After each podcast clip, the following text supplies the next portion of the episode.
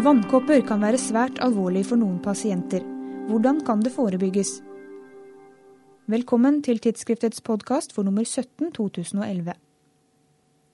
Hos friske personer er vannkopper, eller varicella, vanligvis en mild forbigående sykdom.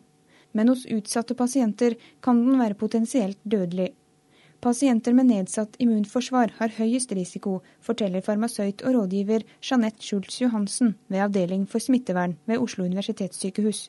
Og Da tenker vi både på dem som bruker legemidler som nedsetter immunforsvaret, som steroider, eh, samt pasienter som har arvelige immundefekter som, eller kreftsykdom og hiv og aids. Og Vi vet at T-celleforsvaret er spesielt viktig for å stoppe virusreplikasjon. Nyfødte barn eh, der mora får utbrudd av vannkopper fire dager før eller to dager etter fødselen, er også spesielt utsatt for alvorlige komplikasjoner, og i verste fall død. Eh, samt premature barn og gravide de har også en høyere risiko for komplikasjoner av vannkopper. Vannkopper er et svært smittsomt virus, og er mest smittsomt én til to dager før og kort tid etter at pasienten har fått utslett. Viruset kan overføres til alle blemmene har fått skorpe, og det tar vanligvis fire til sju dager etter at utslettet har brutt ut. Risikoen for smitte varierer med lengden og typen av eksponering, og er naturlig nok størst for de man bor sammen med. Her må man regne med at ca. 85% av de som ikke er immune, blir smitta. For pasienter som har økt risiko for alvorlig sykdom eller død, må man i første omgang prøve å unngå smitte. Man kan f.eks. Uh, hindre at smitten kommer inn i hjemmet ved å vaksinere ikke-immune søsken av immunsmitta barn. Det kan også være aktuelt å vaksinere personale som jobber på barneavdeling på sykehus, uh, og som ikke har hatt vannkopper. Dette er for å hindre at personalet blir syk og smitter pasientene. Uh, Vannkoppvaksinen er en levende svekka vaksine. Og hos immunkompromitterte pasienter så kan man ofte ikke gi vaksinen. Eh, og Hvis en pasient som blir innlagt på sykehus får vannkopper, så er det jo viktig at man raskt isolerer denne pasienten i luftsmitteisolat, sånn at den ikke får anledning til å smitte andre.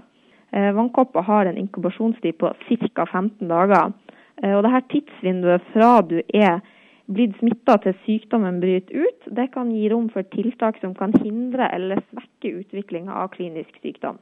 Når en pasient i risikogruppen først er eksponert for virus, finnes det i utgangspunktet tre alternativer for forebyggende behandling.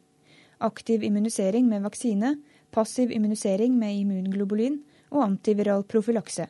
Eh, det første alternativet er tidlig administrering av vaksine. Eh, det er ofte ikke aktuelt hos de som har behov for profylakse, pga. at vaksinen er basert på et levende svekka virus. Eh, de mulighetene vi da har, det er da passiv immunisering med immunglobulin gitt innen 72-96 timer etter eksponering, eller antiviral profylakse med acyklovir, alternativt valacyklovir, da ofte gitt i siste halvdel av inkubasjonstida fra dag sju etter eksponering. Schultz Johansen og medarbeidere ved Relis og Rikshospitalet har gjort en vurdering av dokumentasjonen for de ulike alternativene til forebyggende behandling. I mangel på god dokumentasjon må man støtte seg til de få studiene som finnes.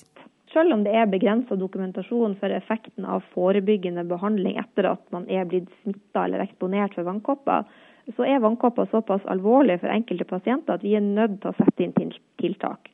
Eh, vi konkluderer med det at passiv immunisering med varicella soster immunglobulin gitt innen 72-96 timer eh, er indisert som forebyggende behandling hos utsatte grupper som er blitt smitta eller eksponert for viruset.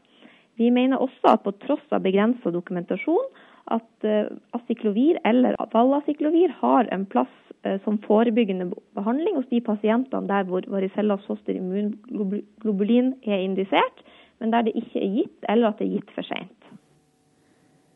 Du kan lese artikkelen 'Profylaktisk behandling etter varicella-eksponering' i tidsskriftet nummer 17. Der kan du også lese de første artiklene i temaserien om global helse, bl.a. om klimaendringene som vår tids største helsetrussel. Jeg heter Eline Feiring og er tilbake med en ny podkast tirsdag 20. september.